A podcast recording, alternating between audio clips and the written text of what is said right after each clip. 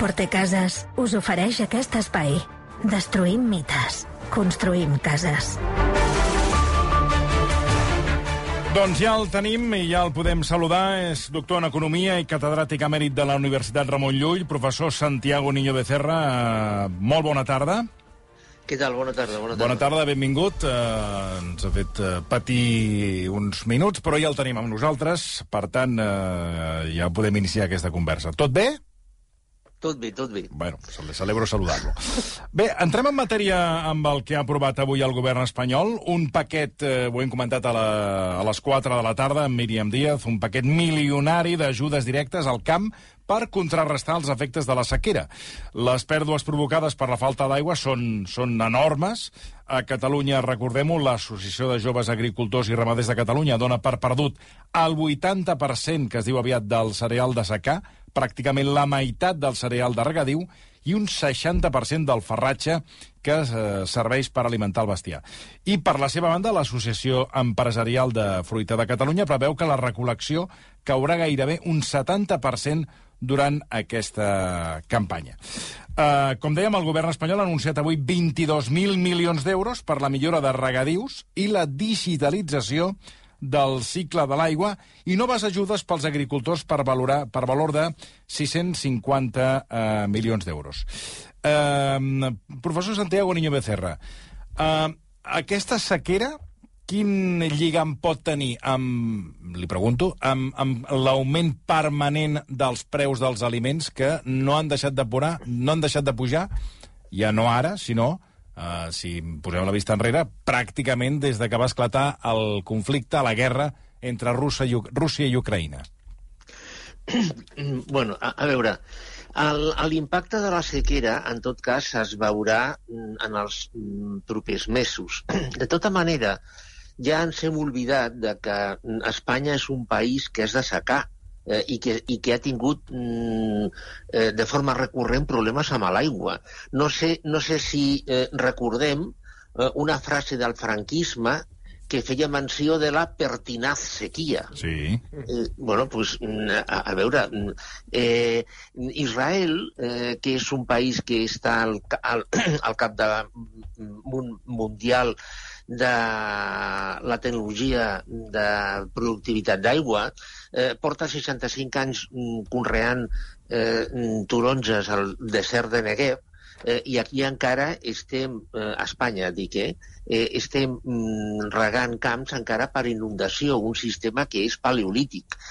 Mm, aquí a Espanya hi ha un problema de, de que o sigui, s'ajunten dues coses. Primer, que cada vegada plou menys eh, i a Espanya, a Espanya encara estem esperant a l'aigua que cau del cel, igual que el segle que, que fèiem al segle XIV i al segle XV, per una banda, i en segon lloc, que la tecnologia d'aprofitament de l'aigua és antiga i al marge d'això el 15% de l'aigua es perd amb les, amb les conduccions perquè no hi ha manteniment i les conduccions, no hi ha el manteniment cada bé i les condicions són, són antigues.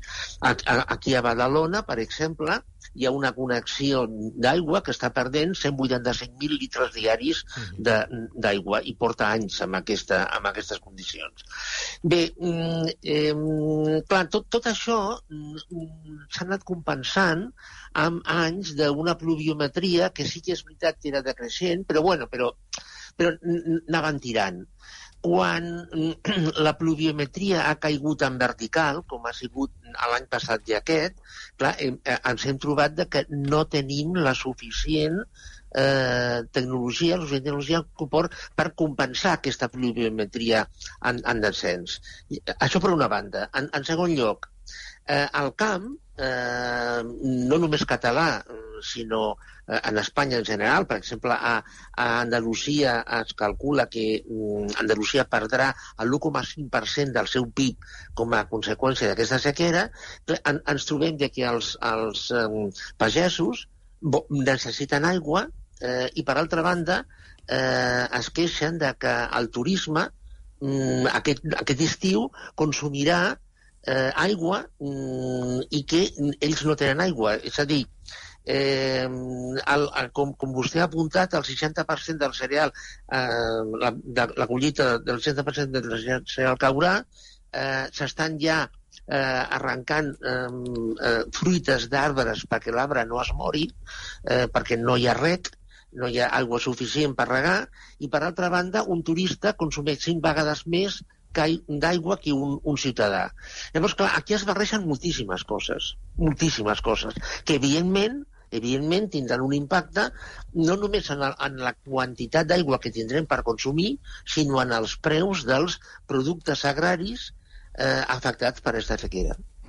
Um, la segona qüestió és, totes aquestes, uh, aquest paquet avui, aquesta, mm, allò que se'n diu, que ja hem anomenat aquí, lluvia de milions, que és un clàssic, aquests 22.000 milions d'euros, d'alguna manera ajudaran a frenar aquesta escalada de preus o no, o no té res a veure? No, no té res a veure, perquè aquesta, aquest, aquestes, aquests diners... O sigui, aquí hi ha do, dos temes. Per una banda, eh, els, es donaran ajuts fiscals i ajuts eh, en, en diners a pagesos i empreses afectades per la sequera. Eh, però, bueno, és a dir, això, és a dir, eh, si la collita de préssecs s'enfonsa, malgrat que els hi donin diners als agricultors eh, això no farà que els préssecs neixin. És a dir, no tindrem préssecs i una de dues, o importem, importem préssecs d'on sigui per tenir préssecs o no tindrem préssecs i els préssecs, evidentment, el preu es, es dispararà. I per altra banda estan eh, un paquet, no recordo la xifra, d'inversions que eh, s'han aprovat mm, que evidentment s'executaran en els propers anys, que són inversions que ja tindrien d'estar bé fetes fa 30 anys. I, llavors, clar, això és un despropòsit. Tot és un conjunt, tot aquest conjunt és un despropòsit. Mm. Eh, I clar, evidentment això passa en any electoral.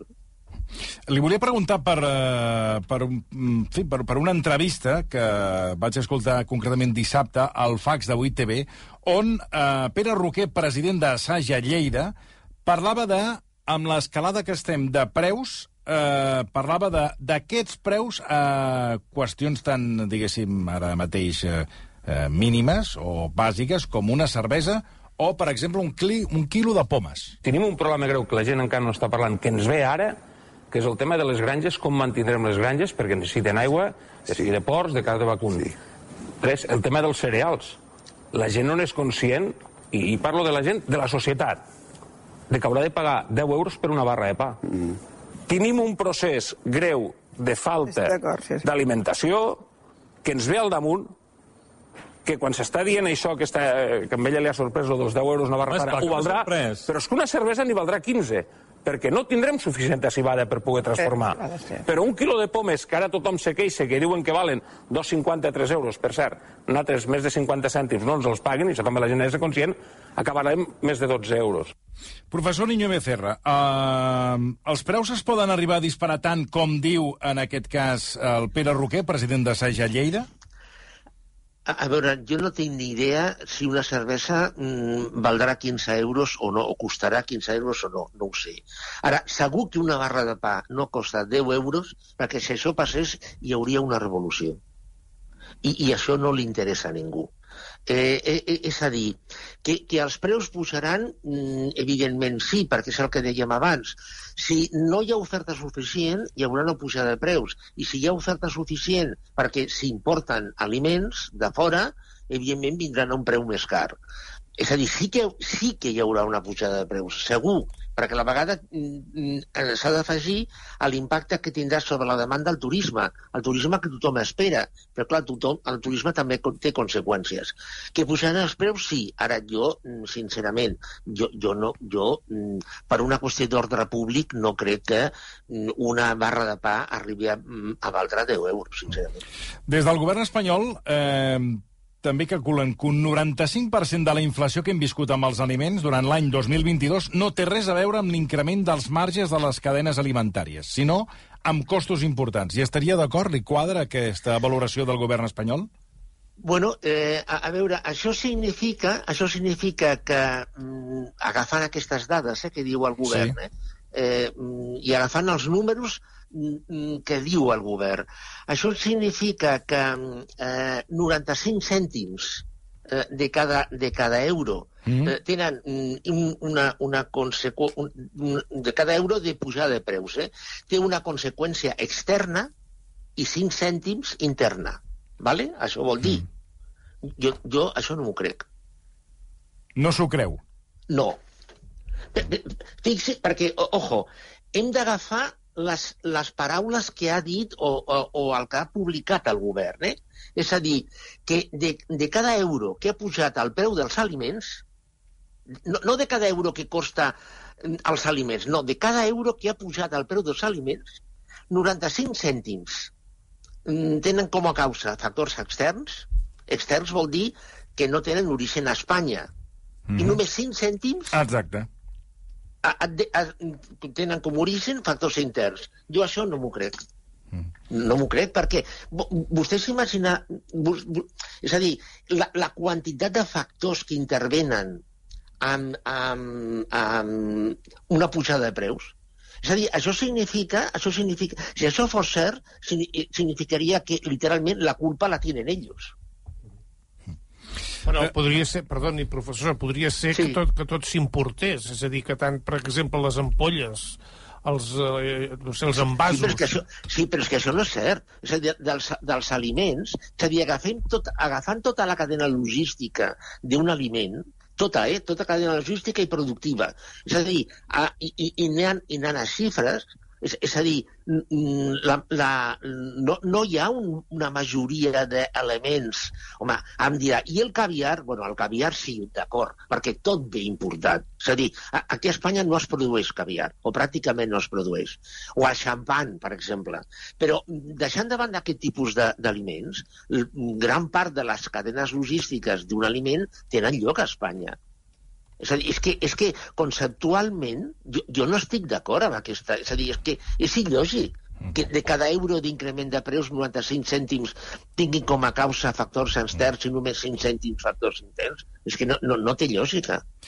Eh, anem amb una proposta que, que ha sortit de Podem, de Podemos, eh, hem, en aquest cas relacionada amb, el, amb un supermercat. La proposta és un supermercat públic. Escoltem Maria Teresa Pérez, coportaveu d'Acció Institucional de Podem. En este país tenemos un oligopolio alimentario que eh, ha provocado un aumento de la inflación cinco veces superior al del resto de, de los sectores, mientras cuatro capitalistas despiadados se estaban haciendo de oro y aumentando sus márgenes de beneficio, subiendo los precios de forma desorbitada. Entre cuatro empresas acumulan el 40% de esa cuota de mercado. A nuestro modo de ver, son unos desalmados que están especulando con el precio de los alimentos y por eso necesitamos una cadena de supermercados públicos que se llamará Precios Justos y que es imprescindible para bajar el precio de los alimentos, para proteger a los pequeños y medianos productores. Vostè, professor, veu factible aquest supermercat eh, públic? A, a veure, de, deixant de banda els components polítics que mm. pugui tenir eh, aquest supermercat mm, públic, o diguem-ho com, vulguem, tècnicament sí que és factible. Mm. De, de fet, no sé si recordem los economatos. Sí. Per exemple, eh, els economatos de la, de la Associació Minera Asturiana, per exemple. No? És a dir, sí, tècnicament és factible. Eh, de fet, eh, si mm, extrapolant, quan mm, nosaltres anem al metge de la sanitat pública i ens recepta eh, un medicament i anem a una farmàcia a, a comprar-lo, eh, està distribuït un medicament, mm, torno a dir, eh, receptat per la sanitat pública. Eh, aquest medicament eh, surt al preu que surt perquè està pactat, eh, la sanitat ha pactat amb, el, amb la farmacèutica o amb, el, o amb una distribuïdora que es vendrà aquest preu. És a dir, que li compraran aquest preu, eh, la sanitat pública mm, absorbeix una part d'aquest cost i mm, la, les persones a tota Espanya paguen la, la mateixa quantitat. Bueno, això, de fet, és un supermercat públic d'aliment, de medicaments. Uh -huh. És a dir, que tècnicament sí que és possible.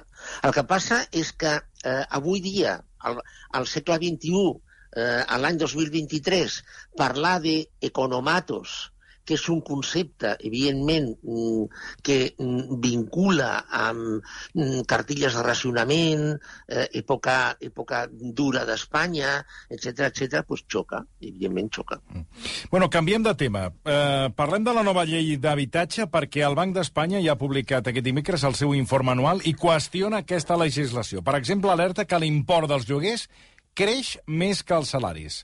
Eh, el, primer, el primer que el volia és eh, bueno, preguntar-li que com analitza vostè, com veu vostè, que 4 de cada 10 llars dediquin més del 40% dels seus ingressos disponibles a pagar els lloguers. Bueno, una altra dada complementària a aquesta és que el 50% de les famílies que estan en lloguer estan en risc de pobresa. Mm -hmm. eh, precisament per, per, per, aquest, per aquest tema, no? per, per el tema del lloguer. Bueno, és que, a veure, el problema que té Espanya és que, és que clar, és que aquí eh, quan, quan, quan es parla d'algú, eh, és a dir, hem de retrocedir a l'origen del problema, no? És a dir, a l'any 1985 eh, es va promulgar una llei amb un nom molt llarg que popularment es, conue, es va conèixer com la Lei Boyer. Mm, sí, ho recordo. Bueno, la, la, la Lei Boyer es va carregar mm, als eh, contractes indefinits de lloguer i mm, va mm, entrar, eh, els lloguers a Espanya van entrar en, una, en un procés de liberalització. I, llavors, a partir d'aquell moment, mm, per altra banda, indirectament, de forma paral·lela, es va anar, eh, no, no diguem forçant, perquè forçant no és la paraula, no? però es va anar animant a la població a que anés cap a la vivenda en compra, és a dir, que comprés una, una vivenda. I llavors va sortir, eh, com els lloguers van anar pujant, eh, va sortir aquella famosa dita que deia, diu que és més caro alquilar que comprar. Bueno, bueno i, i, llavors, què, què ha passat? De, de l'any 1985 fins avui ha, ha, ha plogut bastant, no molt, però bueno, bastant, una mica, i llavors el que ha passat és dues coses. Primer, que la demanda de vivendes eh, per viure ha pujat eh, que la, la demanda de vivendes com a segunda residència és, és cert que ha tingut una, una evolució una mica erràtica, una sèrie d'anys, però també ha pujat. I en tercer lloc, i sobretot, la vivenda mm, turística i per inversió ha, ha, ha pujat. Mm -hmm. Però l'oferta no, no ha pujat en la mateixa proporció. I a sobre, Espanya mai ha tingut, mai ha tingut una, mai, és, és mai, eh? ni durant el franquisme ni la democràcia, una política decidida de vivenda pública en lloguer com, com ha tingut altres països, com Països Baixos, Àustria o Dinamarca, que són els tres països que estan millor a, a, a nivell europeu en qüestió de, de vivenda. Llavors, clar, si es barreja tot això, tenim una, una situació que és extraordinàriament complexa a Espanya. Per què? Perquè l'oferta és molt més petita que la demanda. Mm. Mm, jo, jo, clar, si vostè em pregunta i com es soluciona això a curt termini, jo no veig que hi hagi una solució. Mm. No, no, no. Ah, cuidado, a, a, no ser, a no ser que sigui, evidentment, instaurant un sistema soviètic i expropiant totes les vivendes que no estiguin ocupades. Bueno, aquí hi ha una... No, no totes les... Eh... Per exemple, el govern català ha tirat endavant una llei que expropiarà vivendes de grans tenidors que, no... que portin dos anys tancades, és a dir, eh, aquesta és una, un, una opció. Una altra és que el govern espanyol ha anunciat que destinarà 2.500 milions a avalar l'entrada de les hipoteques per joves i famílies amb fills. No sé si per vostè és una bona idea eh, no sé, són mesures que intenten, diguéssim, pal·liar aquesta manca de, de, de pisos de lloguer. A, a, a, a veure, mm, la, la limitació de l'oferta mm, o l'increment d'oferta mm, per aquesta via, fixem-nos que és eh, sobretot en el tema de l'aval d'aquestes mesures del, del govern per, sí eh, afavorir l'aval a la compra, mm. estan orientades a, cap a això, cap a la compra, no, no cap al lloguer. E, és, és a dir, eh, el problema que té Espanya, jo no sé si de forma conscient, un dels problemes que té Espanya, eh, no sé si de forma conscient o inconscient, és que eh, a la llau de, de demanda de vivenda turística, que des de fa 15 anys s'ha disparat a Espanya, o ningú ho pensava, o ningú ha, ho ha tingut en compte, o no es vol, no s'ha volgut tenir en compte. I, llavors, a, això ha desquadrat tot l'equilibri precari que hi havia, però bueno, precari, entre oferta i demanda. I, llavors, com es soluciona això? Do, donant un aval de, del 20% a la, a la vivenda, a la compra de vivenda d'uns joves eh, que no arriben a, una, a uns ingressos. Evidentment, això no soluciona el problema. L'idealista, bueno, que, que és un, un, un, un, una, un portal que sí. fa una sèrie de publicacions que tothom, bueno, tothom accepta, diu que a dia de la data, és, un, és una, una data que va, va donar fa un mes, a Espanya actualment sumant tots els conceptes, és a dir, vivenda turística, lloguer, etc etc, perdó, mm, farien falta 2,5 milions de vivendes. Doncs, eh, bueno, Déu-n'hi-do. Eh, és, és a dir, això no es pot improvisar d'avui per demà. No, no, està claríssim. Escolti, vostè denuncia que molt, m'ha cridat l'atenció, que moltes administracions prefereixen apostar pels pisos turístics més que pas, eh, més que no pas per proporcionar habitatges assequibles pels ciutadans. Per què ho diu, això? Clar, que, que per què? Bueno, vostè, vostè mateix. Eh, és a dir, una, una vivenda per lloguer és una vivenda de lloguer. La mm. persona paga el lloguer eh, i aquí pau i després glòria. Punto. Una vivenda turística atrau una, una, un, unes persones, un senyor, una senyora, una família, que eh, venen de fora, eh, de fora d'Espanya de, de, de, o de fora de Catalunya, m'és igual, eh, de fora del poble en qüestió. Mm, estan, estan allà llogades durant una setmana o, o, o els dies que siguin, surten, entren, compren, és a dir, generen PIB. Aquí volia arribar. És a dir, una, una, una vivenda turística eh, allotja a, uns, eh, a unes persones que generen PIB. Eh, generen PIB perquè estan de vacances eh, i una persona que està en un pis llogat, mm, amb un amb lloguer d'un any o d'un any i mig o de dos anys, genera PIB, però mm, en, en proporció menys. De, de fet, de fet el, el, el, en l'estructura del PIB d'Espanya, la, la suma del turisme més totes les, les activitats vinculades al turisme generen més del 26% del PIB. Llavors, clar, moltes localitats... Ja, prefereixen... els, inter els interessa el, el turisme en lloc que... Exacte. els pisos turístics Exacte. que en lloc que, que vivendes. Exacte. Eh? Exacte. Um, Parlem d'una altra qüestió que avui volíem tractar amb vostè, que és aquest preacord al qual han arribat els sindicats i la patronal per pujar els salaris un 4% aquest 2023 i un 3% mm. al 24 i 25. Mm. Aquesta pujada de mm. salaris compensa d'alguna manera l'increment de la inflació o és totalment insuficient? A veure, a, a, anem, anem a la pel·lícula completa.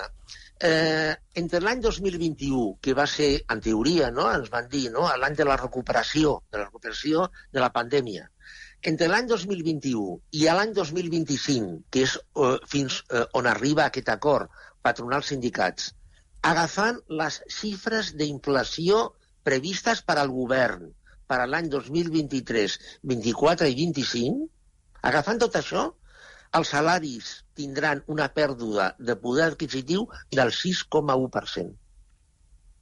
A partir d'aquí... Ja. Eh, eh, és, a, és a dir, mm, eh, a, a veure, eh, clar, eh, els acords mm, només s'agafen només s'agafen eh, a partir d'un moment i tenint en compte una sèrie de paràmetres.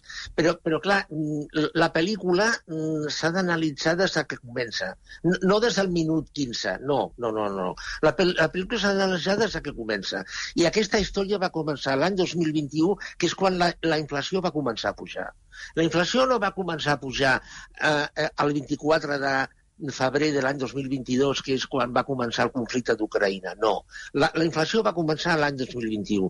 El 2021 va haver una pèrdua de poder adquisitiu, i el 22 i l'haurà el 23, i el 24 i el 25 es compensarà una, pèrdua, una, una, una, una part d'aquesta aquest, pèrdua de poder adquisitiu. Per agafar la pel·lícula sencera, el salari mig a Espanya tindrà una pèrdua del 6,1%, eh, que evidentment no serà el mateix a Girona que a Jaén, Per què? Perquè el nivell de preus a Girona és molt més elevat que a Jaén.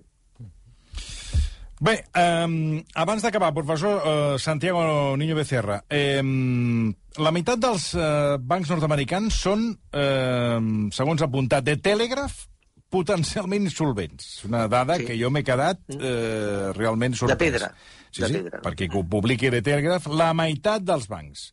I Sí. la pregunta és aquesta, per què hi ha tants bancs insolvents als Estats Units i què implica això? Perquè recordem que la banca americana permanentment, ja en portem tres, es van rescatant eh, cíclicament bancs que fan fallida o estan a, pen de, estan a punt de fer fallida i és rescatat per un altre banc. Quina explicació li pot donar aquesta situació als bancs eh, nord-americans? Bueno, d'entrada és necessari aclarir una cosa, i és que l'estructura de banca americana és diferent a l'estructura de banca eh, europea i concretament espanyola. És a dir, a, a, a Estats Units hi ha una sèrie de bancs que són molt grans, eh, per exemple, JP Morgan és un banc molt gran, eh, perquè ens fem una idea, és set vegades més gran que el Banc de Santander, i després hi ha una plèiade de bancs locals, exactament uns 4.700 bancs, més, he dit 4.700, eh, 4.700 i pico bancs, que són bancs locals. Eh, que podrien equivaldre, no, no és el mateix, eh, però podrien equivaldre més o menys a eh, una estructura de les caixes que havia a Espanya sí. o, les, eh, o els bancs locals que hi ha a, a Alemanya. Eh, de tota manera, clar, aquests bancs locals s'han d'adaptar a la dimensió estadounidenca. Per exemple, el Silicon Valley Bank, Mm. que va fer fallida fa uns mesos, Sí. eh, era una mica més petit que el Banc de Sabadell, eh, que per nosaltres és un banc important. Sí, sí. És a dir, que, que sí, que són locals, però cuidado, és, és local dimensió americana. Bé, això per una banda. A, en segon lloc, eh, aquests bancs locals estan molt centrats com, com, com el mateix nom diu, en zones. És a dir, són, són, són bancs que ac- actuen eh, en una zona. Per exemple, el Silicon Valley Bank, bàsicament, fonamentalment, es bellugava a Califòrnia i en concret a la zona de Los Angeles, Silicon Valley, San Francisco, etc etc. Bé, eh, quan els tipus d'interès es van enfonsar, i recordem que mm, l'Euríbor eh, durant una sèrie de mesos va ser negatiu, eh, el, el tipus d'interès als Estats Units, encara ha sigut durant més mesos, ha estat a nivell zero que l'Euríbor o, el, o el tipus d'interès a, a Europa, aquests bancs, clar, eh, el, van, van tenir d'invertir per mantenir els seus actius eh, segurs amb deutte pública i eh, actius a mig i llarg termini que donaven una rentabilitat molt baixa, però que, bueno, que, que estava bé perquè el tipus d'interès eren baixíssims, eh, eren molt baixos. Què ha passat? Quan el tipus d'interès ha començat a pujar, s'ha disparat el tipus d'interès, aquests bancs, per fer front a les retirades de diners del, de, de, que, que, que els clients feien bueno, doncs, per pagar lo normal, factures, eh, s'han trobat de que no tenien diners suficients. I què han fet? Vendre els seus actius. Però, clar, han tingut de vendre els seus actius per un valor inferior al del, al del seu balanç mm. eh, el que estava al seu balanç, per aquest tipus d'interès que ha pujat.